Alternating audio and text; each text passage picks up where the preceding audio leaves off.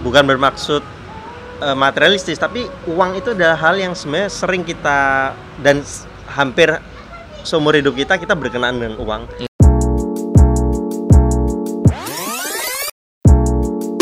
Dikari.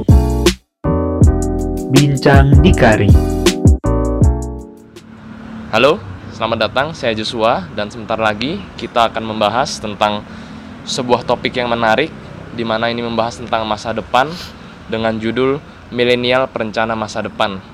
Di sini saya sudah mengundang salah satu narasumber yang sangat spesial dan cukup sulit dicari di Bali. Dan mari kita sambut aja langsung eh, Ko Jimmy.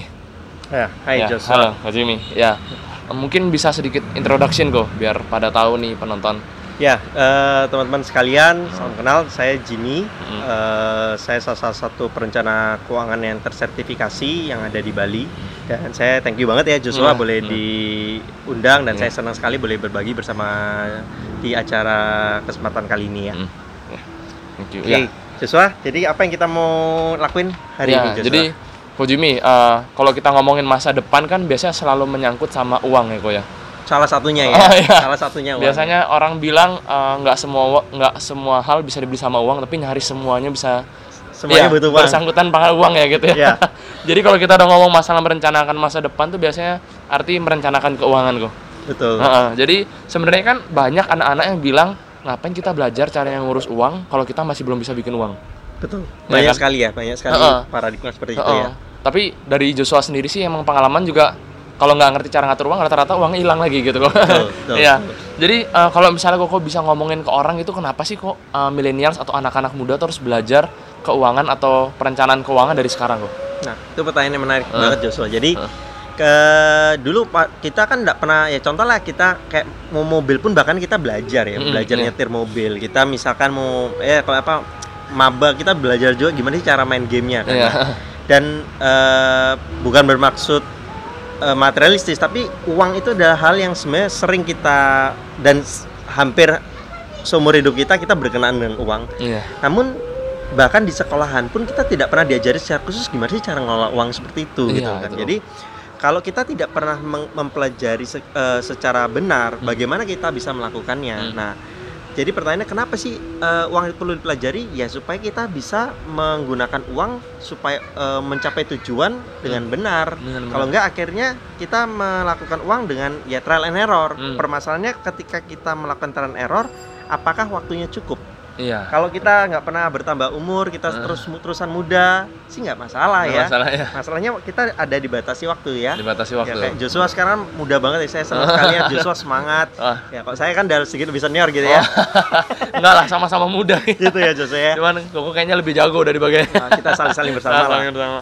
Ya, tapi kan kalau misalnya dari Joshua sendiri kan mungkin financial planningnya mungkin kadang-kadang kan anak muda ya pokoknya sehari makan tiga kali satu kali makan 15.000 ribu gitu doang biasanya mikirannya kan Iya. ya tapi kalau misalnya secara lebih dalam tuh maksudnya financial planning tuh apa sih kok sebenarnya Sebenarnya financial planning itu sama kalau diambil simpelnya tuh sama seperti eh, arsitek ya mungkin kalau di Arsitek, dunia bangunan ah. bagaimana eh, kit- owner men- menceritakan eh saya tuh pengen punya satu rumah saya nanti punya anaknya sekian Hmm. saya punya istri saya pengen ada sekian kamar Hmm. saya pengen eh, rumahnya luasannya sekian bangunannya ada kolam renang dan sebagainya nah kalau di dunia bangunan eh, impian-impian itu dituangkanlah eh, oleh arsitek Iya, menjadi se- sebuah gambar desain Iya. sehingga eh, menjadi acuan bagi si owner Hmm. oh ya ini sesuai yang saya impikan dan dia melakukan segala upaya daya berkenaan dengan pekerjaan atau bisnisnya Hmm. untuk men- membutuh eh, menyiapkan dana yang dibutuhkan Iya.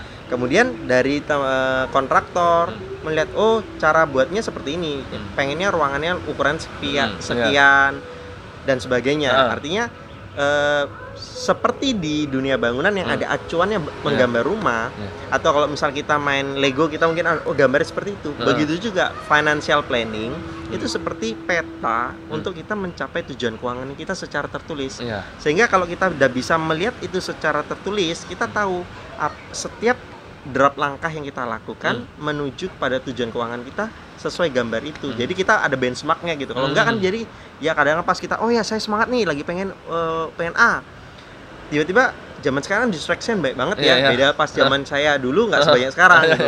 Lagi perencanaan terus ditong eh eh, dapat WA, bilang, eh yuk jalan dari yang rencana gini akhirnya terdistract Iya. atau lagi mau kerja tiba-tiba ting tong dapat email Oh, dapat iya. apa. banyak sekali distraction banget ya, oleh sebab itu bagaimana dengan perencanaan keuangan kita bisa eh, keep on track Di kontrak. tapi juga bukan berarti Nggak perencanaan keuangan jalan. tuh nggak fun-fun loh Nggak fun ya. kalau perencanaan keuangan sampai kehilangan sisi fun artinya bukan perencanaan keuangan penyiksaan Penyiksaan gitu. gitu Iya iya iya. Berarti tujuan utamanya tuh pensiun ya. Eh, salah satu lah ya Hmm. bahwa fase-fase dalam hidup eh, kayak pensiun itu kan ada satu hal yang pasti akan setiap Pasti orang alami ya iya. kecuali orang yang berpulang terlebih dahulu Hmm, iya. tapi kalau secara normal pensiun adalah satu fase yang juga akan dialami setiap orang Iya, seperti itu semua, jadi ya apa pun mau perencanaan terkait mungkin yang jangka panjang kayak misal pensiun Hmm. Mungkin yang eh, anak muda eh aku pengen menikah umur sekian dananya perlu disiapkan dari Hmm. sekarang atau pengen punya kendaraan iya, iya. atau mungkin kalau yang sudah punya anak eh aku pengen anakku kuliah kayak Ah. Joshua nih kuliah kan iya, gitu iya. kan Ah, ya itu kan semua hal perlu disiapkan Iya. seperti itu Joshua Iya iya, wah itu menarik yang masalah menikah ya. Apalagi buat anak muda ya. Rata-rata Iya. kan ngomongnya modal cinta aja kan.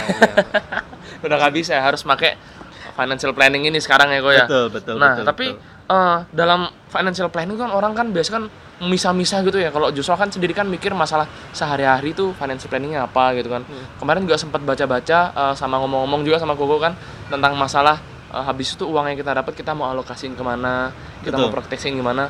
Itu mungkin bisa dikasih eh, penjelasannya sama gambarannya kok gitu dari Tahapannya gitu eh, kali ya? Tahapannya gitu kok mungkin kok. jadi sebenarnya sama s- dalam perencanaan keuangan tuh prinsipnya Hmm. itu adalah pertama lah apa sih yang kita mau capai Mm-mm. sama seperti kayak tadi oh rumah saya pengen rumah seperti ini Hmm. artinya dimulai dari dream impian Dream, gitu iya. ya apa yang mau dicapai terlebih dahulu Hmm. tuliskanlah semua impian jadi misalkan saya pengen rumah rumah yang seperti apa Hmm. oh saya pengen rumah luas tanahnya sekian luas bangunannya sekian di jalan ini Hmm. Daerahnya ini kira harganya sekian Hmm. itu kita definisikan dulu secara Definisikan. jelas Secara kuantitas ya. Iya, secara Nah. kuantitatif. Kalau Nah. cuman eh, mau-mau doang susah gitu Iya, kan, iya, ya iya. kan. Jadi setelah kita tahu, oh itu yang nilai yang kita butuhkan. Tapi Hmm. masalahnya kan harga harganya sekarang sama harga berapa tahun lagi kan pasti Be- beda kan iya. ada faktor inflasi.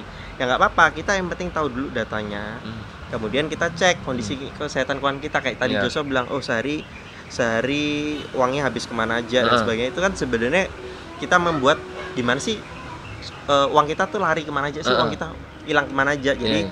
setelah kita punya impian, Hmm.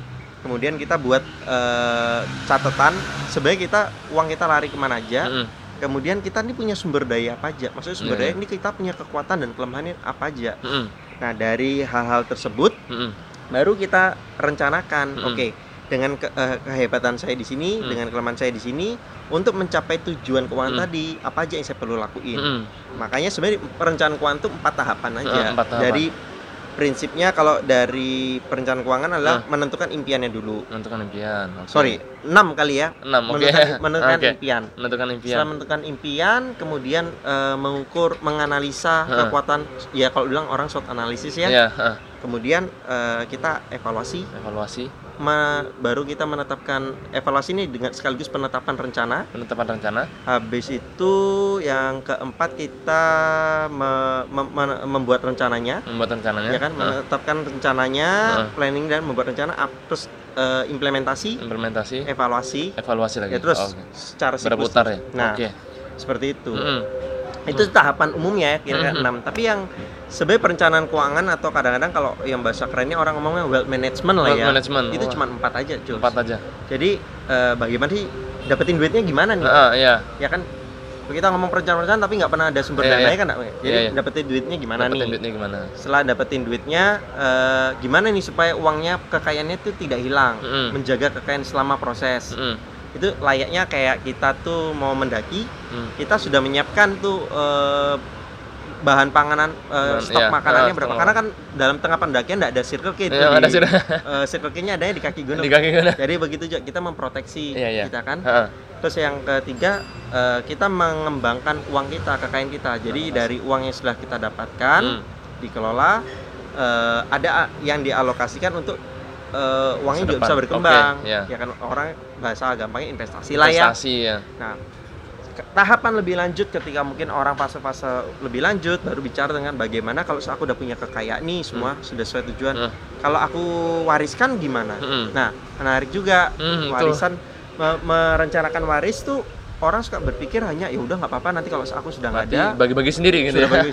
nggak gitu juga Iya, sebenarnya iya. perlu direncanakan karena ada kaitan sama dengan hukum-hukum tapi Hmm. kalau mungkin seumuran kita ya Jo Belum kepikiran gitu ya. mungkin itu menjadi tahapan terakhir Jo Nah, yang iya. paling pertama adalah bagaimana kita beresin tiga siklus ini Tiga dulu siklus. Ya kan untuk mencapai tujuan keuangan Mm. nanti disesuaikan dengan siklus kehidupan lagi Hmm. baru ngomong tentang eh, perencanaan waris atau bahasa kerennya sih estate planning Estate gitu. planning, Gitu. wah keren banget ya. Itu sering tuh ketemu teman orang yang, ya nih eh, aku punya tanah, Hmm. tapi lagi sengketa. Iya. Sengketa sama siapa? Sama keluarga sendiri. nah betul Aduh, banget sedih banget ya. iya Terus eh, untuk masalah wealth creation atau buat duit lah udah tahu lah ya. Iya. Kalau dokter ya praktek gitu ya. Iya. Kalau misalnya akuntan ya mungkin kerja gitu juga kan. Tapi untuk masalah investasi nih, investasi dulu deh nanti protection mungkin setelah ini ya. Untuk yang investasi nih kok, investasi itu ada apa aja sih buat anak-anak muda? Investasi sih sarana investasi sebenarnya eh, cukup beragam ya. Hmm. Eh, zaman sekarang tuh terbuka banget. Hmm. Eh, ya kayak model saham ya, Hmm. saham, Hmm. kemudian reksadana. Ta- eh, tapi sekarang reksadana semenjak ada saham bisa buka akunnya lebih dengan Murah, eh, ya. murah, Ha-ha. terus eh, online. Online. Reksadana mungkin agak sedikit kurang populer sekarang Hmm. udah anak-anak muda ya Ha. saham banget eh, yang lagi populer atau ada obligasi. Obligasi. Surat. Nah, ini juga Lebih aman cukup gitu ya Obligasi tahun ini luar biasa Luar kinerjanya. biasa, iya, Ya. iya. Ada juga kayak model eh, orang misal kayak logam mulia, Heeh, logam logam mulia, ada juga main properti, Nah. atau mungkin bisnis-bisnis yang sudah running yang sudah Iya. tersistem dan Autopilot, running tanpa eh, autopilot lah ya. Autopilot kita bilangnya. Itu bisa juga me- dianggap sebagai investasi, Investasi. ya kan? Mm. Artinya eh, investasi itu jenisnya banyak, medianya eh, banyak ya eh, apa ya instrumennya tuh Hmm. banyak gitu dan Iya. itu terus berkembang ya. Hmm. Kalau tapi ada juga kayak model kayak ada yang ya misalnya bukan omongan ini bukan berarti meng- mengecilkan arti tapi Iya. kadang-kadang kan ada investasi yang terlalu agresif ya. Hmm. Contoh mungkin kayak kemarin ya eh, cryptocurrency. Cryptocurrency. Oh iya, tuh tahu tuh. Ya, ada yang Forex mengatakan juga. bahwa itu itu adalah investasi Hmm. eh, kembali ke setiap orang karena Hmm. investasi kan pasti ada kadar resiko. Hmm. Istilahnya kan high, High risk, high return. Oke. ya kan? Low risk, low Low return. risk, low return. Artinya kan dikembalikan. Hmm. Misalkan kayak Joe mungkin masih Hmm. muda. Wah, kalau saya kehilangan sekian duit, ya nggak apa-apa saya Iya. masih nyari. Tapi kalau orang yang sudah kira-kira mungkin sudah mulai berkeluarga, saya kehilangan duit gitu, nanti anak istri saya mana? Artinya Ah. jenis investasi itu perlu disesuaikan lagi Ah, setiap- sama manajemen risiko orang. gitu ya. Iya, manajemen Ah, risiko. ya. Manajemen risiko. Wah, itu menarik ya. Cuman emang juga kan banyak orang udah ngomongin itu ya bener tuh yang masalah reksadana, apalagi ada binomo itu sekarang juga ya. Oh, apa ya, itu? lagi rame ya. Iya itu kan aduh agak sedih juga ya. Cuman emang sih menurut eh, setelah Joshua ngomong apa ngomong-ngomong sama orang-orang juga yang nggak tahu menurut Koko gimana saham tuh paling jalan gitu kok kalau di Joshua gitu ya Hmm. untuk manajemen anak muda gitu ya karena dia mungkin lebih liquid juga ya Nah. sama lebih bisa di manajemen resikonya Eh, itu menarik banget. Bro. ya. Jadi eh, dalam satu investasi tidak ada yang yang satu lebih baik daripada yang lain. Ah. Setiap investasi instrumen investasi Hmm. mempunyai eh, plus minusnya masing-masing. Contoh eh, saham liquid ya. Iya. Tapi kalau dibandingkan properti, lo properti kurang liquid seperti saham. Betul. Cuman properti mungkin punya leverage dan bisa jadi eh, jaminan. Jaminan. Ya mungkin saham sebenarnya bisa tapi belum umum. belum umum. Tapi eh, itu pun hanya di dalam dunia pasar modal. Kalau misalkan properti bisa dimasuk ke perbankan untuk na- modal tambahan. Nah, artinya eh, menarik juga. Jadi harus disesuaikan. Tapi memang iya. Kalau saham istilahnya kan dengan kalau- bahkan di sekuritas ya Mm. uang dengan hanya uang seratus ribu Heeh. kita udah bisa buka account. bisa buka Dulu zaman dulu nggak bisa. nggak bisa Zaman saya tuh nggak bisa duitnya harus, eh, sekitar 25 juta, 50 juta. Oh, Jadi loh. dan satu lot dulu Nah. tuh adalah 500 lembar. 500 lembar ya? Sekarang cuma 100 lembar. wah berarti sekarang udah beruntung banget yang zaman sekarang Anak-anak milenial kalau tidak memanfaatkan momentum investasi Nah. juga eman karena Eman. zaman sekarang tuh sudah informasi luar biasa banyaknya yang Hmm. di YouTube dan sosmed dan Iya. sebagainya. Hmm. Bahkan kayak Joe, gitu. Joe anak muda yang mau berbagi sebagai punya gerakan itu kan suatu hal yang baik. Zaman Iya. saya dulu langka banget. Langka gitu banget. Iya kan? Iya, iya. Kesan saya tua banget sih. Ah, ya. enggak lah ya masih sama-sama lah mungkin perkembangan zaman agak lebih cepet dikit gitu ya cuman ya itu menarik lah maksudnya jangan sampai anak muda udah ada kayak gini terus mereka malah nggak ngelakuin apa-apa ya dan Betul. banyak orang yang mulai beralasan beralasan gitu ya yang Betul, sebenarnya betul. sayang banget kalau saya bilang gitu ya Betul. Terus oke lah misalnya untuk masalah investasi udah tau lah ada banyak ini kan ya. Terus nanti kan dari investasi kan kita harus proteksi. Yang selalu Joshua dapat kesannya itu ya kalau Joshua nanya mereka ngomongnya asuransi kan. Iya. cuman asuransi di depan mata orang selalu terkesan seperti hal yang tabu. Karena entah karena dipaksa sama temen entah karena mereka ngerasa juga nggak terlalu penting. Kayak seakan-akan mungkin kalau orang-orang tuh bilang kalau aku eh, asuransi kesehatan berarti aku udah eh, siap sakit atau enggak kalau aku asuransi jiwa berarti aku doain diriku mati gitu ya kan ada yang bilang ngomong gitu juga kan Betul, betul. itu menarik banget. banget kan terus eh, sebenarnya kan yang Joshua rasain kalau misalnya ternyata nggak asuransi gitu misalnya papa gitu ya mungkin dia untuk eh, eh, surgery aja untuk bedah aja tuh bisa habis berapa ratus juta kalau nggak punya Betul. asuransi kan tapi yang Joshua rasain emang itu penting juga kok cuman gimana ya caranya biar anak-anak muda tuh mungkin mu- mulai bisa ngeliat dari kacamata sejarah garis besar tuh kenapa sih hal ini tuh penting gitu Ini menarik cuy. Jadi sebenarnya kalau ya yang kalau prosedur orang anak muda sekarang atau masyarakat umum Hmm. suka berpikir bahwa setelah saya dapat duit, saya kembangin melalui investasi dulu. Hmm, Setelah nanti duitnya saya banyak, baru saya pikirkan tentang proteksi melalui asuransi. hmm. Bener nggak? Beresiko, Jo. berisiko Jadi sebenarnya kayak gini, Jo. Lebih baik eh sebenarnya asuransi itu adalah sebagai backup plan. Namanya backup plan artinya eh, dia rencana cadangan, Hmm. artinya dari rencana ada main plan-nya atau rencana plan, utama. yes, nah, yes. so dalam perencanaan keuangan adalah kita harus tahu dulu main plan-nya.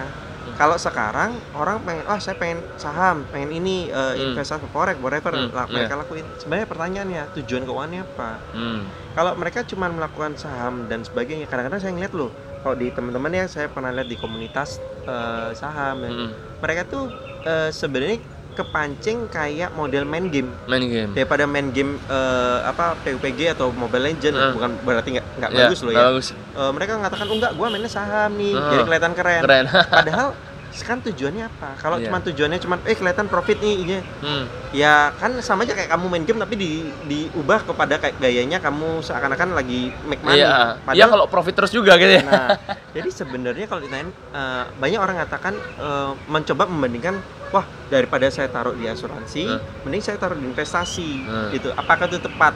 Nah, sekarang coba aja tatain Jo. Jo, misalkan ini adalah hari ini Hmm. di sini. Heeh, Ketika kita mencapai nilai 10, heeh, kalau kita kita kan perlu menyisikan uang heeh. Kalau kita melalui investasi kan berbicara tentang waktu dan bunga, kan iya. butuh waktu untuk mencapai 10. Hmm, Mungkin waktunya mungkin butuh lima tahun atau Hmm. 10 tahun baru bisa mencapai nilai ini. hmm, Untuk mencapai nilai 10 butuh waktu. Nah, dalam dalam perjalanan mencapai 10 Hmm. bisa jadi ada resiko, hmm, ya kan? Makanya bilang kenapa tadi dibilang wealth management, hmm, wealth protection Hmm. atau melalui media asuransi itu di tahapan kedua. hmm, Artinya apa? Ketika kalau di asuransi kita dengan menyisikan dana kecil Hmm. langsung dinilai 10. Hmm. Jadi kalau ada apa-apa di tengah jalan, nilai ini yang memproteksi. Hmm. asuransi kan macam-macam ada kesehatan. Sebenarnya asuransi cuma tiga. hmm. Asuransi kesehatan, asuransi eh, memproteksi pendapatan, dan Pendapatan. asuransi jiwa. jiwa. Nah, menarik tadi juga bilang, "Oh, kalau kalau misalnya asuransi kesehatan, jadi aku mau eh, sudah mendoain aku sakit." oh. Ya, sebenarnya nggak gitu. Oh ya pertanyaannya gini lah. Eh, kita kan jaga-jaga kalau kayak contohnya mungkin kasusnya Bapak Ijo ya. Eh, baru bayar preminya berapa? Ternyata biaya operasinya katakan sampai ratusan juta. Heeh. padahal baru bayar preminya adalah mungkin baru bayar premi lima kali katakan lima kali mungkin 5 juta. Heeh. 5 juta tapi sudah melindungi ratusan juta Ratusan, tadi. Hmm. nah itu untuk asuransi kesehatan. Lah. Asuransi jiwa mungkin tabu orang mengatakan, wah kalau gitu kan nanti dua-duaan saya gue mati. Ya. Sebenarnya asuransi jiwa itu yang diasuransikan Heeh. bukan jiwa kita. Heeh, tapi gaya hidup daripada orang-orang belakang kita. Misalkan nih Jo- hmm, misalkan nih saya dapat keluarga nih. Saya katakan ka- eh, saya menghasilkan income katakan 10 heeh, misalkan. Hmm. Kalau nggak ada saya anak istri saya tetap harus hidup nggak? Iya harus tetap hidup. Tetap harus Heeh, hidup toh? heeh. nah sebenarnya ketika nggak ada saya bagaimana anak istri saya bisa tetap hidup? Hmm, itu dengan asuransi. Jadi asuransi itu yang tetap akan membiayai Hmm. mereka 10 seakan-akan bahwa saya masih ada walaupun saya sebenarnya nggak ada. Iya. simpelnya gini kalau hari ini saya tugas keluar kota saya ha- tetap bulan sebulan ya saya transferin anak istri saya 10 hmm, kalau enam bulan ya? Saya tetap enam bulan kali 10 hmm, iya. pertanyaan kalau saya pergi selamanya Nah, masa saya nggak ninggalin? Ya, egois ya jadi nah, jadinya. jadi sebenarnya digaransi bukan jiwa saya tapi kehidupan mereka. Kehidupan mereka. Jadi sebenarnya dalam eh, proses keuangan Hmm. harus balance. Asuransi terlalu besar juga tidak tepat. asuransi terlalu kecil nggak tepat. Investasi terlalu besar investasi kecil. Jadi sebenarnya kayak eh, apa ya eh, proporsional lah ya. Proporsional. Pertama adalah tahu dulu apa menjadi impiannya Joe hmm. Kalau misal bilang saya pengen misalkan simpel gini pengen membangun rumah lantai 5 Hmm. sama rumah lantai satu fondasinya sama atau beda beda begitu juga perencana keuangan hmm, ya. asuransinya sebagai fondasinya Heeh. pun beda kalau Hmm. misal cuman impiannya untuk lantai satu Hmm. ya fondasinya disesuaikan dong Hmm. sehingga sebenarnya menarik juga tuh Hmm. di perencanaan keuangan bagaimana kita bisa meng- eh, mendesain Hmm. eh, atau manajemen resiko melalui asuransi Asuransi. se- disesuaikan dengan tujuan keuangan tujuan keuangan jadi eh, orang memiliki tujuan keuangannya apa Hmm. baru di breakdown oke kalau gitu saya mencapainya dengan cara apa melalui investasi Hmm. atau melalui bisnis atau Hmm. creation terus backup plan-nya apa fondasinya seperti apa ya seperti itu Jo Hmm. kira-kira gambarannya Oh iya iya menarik ya. Kalau dari sisi itu sih emang sih aku juga setuju ya masalah untuk masalah uh, fondasinya itu ya. Dan sebenarnya yang dari asuransi itu Joshua lebih kedapat ke arah gimana sih caranya jadi anak yang berbakti gitu ya kalau orang bilang ya. ya Kita lebih dapat buat kalau misalnya uh, anak-anak muda bilang uh, masih belum mau untuk diri sendiri ya paling nggak ngelakuin itu buat keluarga lah. Maksudnya uh, Joshua nggak bukannya jualan asuransi bukan tapi yang Joshua rasa ini selalu dibawain dengan cara yang salah gitu dan kalau kamu ketemu asuransi yang salah juga salah gitu loh. Dan aku nggak mau nyebutin nama asuransinya cuman ada beberapa eh, sepupu saya gitu ya yang sudah memasukkan asuransi cuman akhirnya dibawa-bawa ke unit link atau apa gitu ya yang akhirnya mereka merasa tertipu juga gitu kan. Jadi balik lagi ya emang kita juga harus milih dengan benar gitu kan mau asuransi seperti apa begitu kan.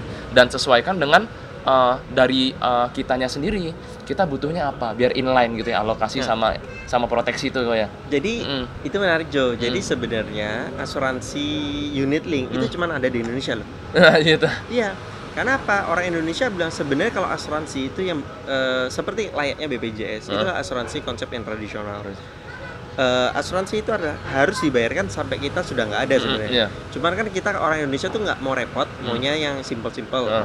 Makanya tahu dulu sejarahnya nih ya. Tahun sekitar tahun 97 tuh lah, lahirnya unit link itu sebenarnya di situ. Hmm. Jadi asuransi itu eh, kita bayarkan sekian tahun, Mm. ya kan? Nanti eh, dana ada dana selisih antara premi sama biaya asuransi Hmm. itu dikelola sebenarnya eh, kayak dikelola kayak Ah. model reksadana Ah. sehingga ada dana eh, tambahan yang berbunga Mm-mm. tujuannya apa dari bunganya ini untuk membayarkan polis ketika kita dimungkinkan tidak berbayar Ah. cuman pada tahun 2000-an Hmm. ketika itu kan eh, kinerja reksadana booming tuh Ah. nah itu oknum agent berpikir wah daripada kamu taruh di deposito Reksadana. kamu taruh di asuransi Iya, iya. tujuannya make money cuan loh membuat uang bukan di asuransi jadi unit link Ah. tujuannya bukan untuk make money loh Iya, iya. tapi tujuannya untuk menjaga supaya polisnya tetap hidup sampai Hidup. masa akhir Mm. eh, yang ditanggung. Mm. Jadi makanya kalau mendesain asuransi pun juga menarik tuh menjadi bahannya menarik. Selayaknya kita eh, mendesain bagaimana kita mau mengembangkan kekayaan kita Mm-mm. di investasi Iya. seperti itu Jo. Iya, Jadi iya. harus ya terus terus lah kayak Jo gini Mm. belajar kita diskusi kalau karena apa saya pun sampai hari ini Mm. masih belajar Jo artinya eh, ilmu kan terus berkembang Mm-mm. perkembangan dunia ya kita nggak boleh merasa wah kita udah paling hebat no Iya, di atasnya langit Iya, masih ada masih ada lah. Hotman Paris ya lah ya masih ada langit lah ya Masih ada langit ya, ya, ya. kalau katanya kan ada atas langit Oh, ada. Hotman Paris Ada Paris. Beda cerita. tapi tapi menarik ya maksudnya eh, bahkan Warren Buffett juga salah satu orang terkaya tuh dia selalu bilang satu hal ya. Dia bilang eh, bahkan orang bodoh dengan rencana akan jauh lebih sukses daripada orang pintar yang tanpa rencana. betul sepakat Akhirnya- Wah, keren banget gitu Oh. wah jadi mantu idaman gitu. aduh ya akhirnya akhirnya emang ah, aku emang pengen banget karena Hmm. dulu juga sempat kehilangan uang dan lain-lain gitu kan jadi ngerasa eh, financial planning ini emang penting banget dan asuransi juga penting banget Eh, apalagi setelah kita punya uang kita mau pakai buat apa itu loh biar kita tuh nggak selamanya harus kerja gitu itu kayak ada si quote-nya siapa eh, eh, kalau kamu tidak menemukan cara mendapatkan uang ketika kamu tidur kamu akan bekerja selamanya saya artinya bukan eh, artinya bagi kalau kita terus menukarkan waktu kita tenaga kita untuk mendapatkan uang Hmm. ya kasarannya itu analoginya itu Hmm. ya kayak kita punya bisnis kita punya karyawan Hmm. Eh, karyawannya kita gaji nih tiap Hmm, bulan hmm. tapi karyawannya tidur tidur yang yang nyapu kita bosnya Oh, ya. kita yang nyapu kita yang buka toko kita yang eh, eh, yang terima orderan kita yang nyetok kita karyawannya tidur Nah, sebenarnya analogi ini sama uang yang direncanakan atau Hmm, investasi apa pun itu sebenarnya bagaimana uang itu yang Oke. bekerja buat kita Hmm. gitu loh. Nah, apakah itu mungkin dilakukan? Mungkin asal tahu caranya. Hmm. Dan bagaimana caranya? Melalui proses pembelajaran dan diskusi Hmm. terus menerus gitu. Karena sebenarnya tuh sudah ada sudah ada polanya. Hmm. Masalahnya kita anak muda ini kan sekarang lebih suka eh, ya hangout. Hangout. Nggak ada yang salah. Nggak ada yang Artinya salah. berikanlah waktu ketika mungkin eh, dalam eh, seminggu kayak atau sehari entah setengah jam satu jam kita diskusi kayak gini Diskusi kayak Jo, gini, iya. Jo ini kan anak muda yang lagi eh, eh, pengen me- menyebarkan Hmm. virus-virus belajar ya nggak apa-apa Iya. jadi kita ketika kumpul hangout jangan hanya gosipin orang asik banget kita ngomong ide bagaimana itu Ah, lebih keren Itu lebih keren ya. Dan lebih produktif Lebih lagi. produktif. Jadi ya sama-sama mengajak orang-orang buat berdikari gitu ya. betul Oke, kok kayaknya ini udah lama juga kayaknya kita kayaknya Oh, iya, ya. iya? Iya. Nggak kerasa Oke, aja ya? nggak kerasa ya. Eh, jadi eh, thank you banget dan eh, sebenarnya eh, mungkin kok ada yang mau disampaikan dulu sebelum sebelum menutup acara? closing statement ya. Closing statement. Jadi buat teman-teman sekalian, eh, saya sih ingin mengencourage teman-teman sekalian bahwa lakukanlah perencanaan keuangan sedini mungkin. Hmm. Perencanaan keuangan itu bukan hal yang menakutkan, perencanaan keuangan itu hal yang menyenangkan ketika kalian tahu dan bahkan kalian lihat bahwa ternyata banyak hal yang bisa dicapai ketika kalian merencanakan sejak dini. Jadi pastikan lakukan sedini mungkin dan Hmm. carilah mentor-mentor di eh, yang yang eh, capable dan komunitas-komunitas yang positif mungkin seperti kayak yang sedang Jo Iya. lakukan sekarang ya. Iya. Jo di mana Jo? Di dikari.id ya. jadi Dikari.id buat ya. di Bali gitu ya. Iya. Oke. Jadi Oke, oke. Thank you banget ya. Thank you, Ko. thank you. Ya, Thank you, udah diundang eh, juga. Ya, nanti mungkin eh, di Dikari juga kita bakalan ngundang Ko Jimmy buat ngelakuin eh, ngajarin kita bareng-bareng bertemu secara langsung Iya. eh, di bulan Januari. Eh, mungkin buat teman-teman yang pengen belajar lebih dalam lagi bisa ya gitu. Sebenarnya Boleh kita, lah, kita eh, sharing bersama Bisa lah ya. sharing ya, oke. oke, ya, thank you ya. Thank you, Goodbye. thank you, thank you. Bye bye. Ikuti sosial media kami di Instagram @dikari.id. Mari berdikari bersama Dikari.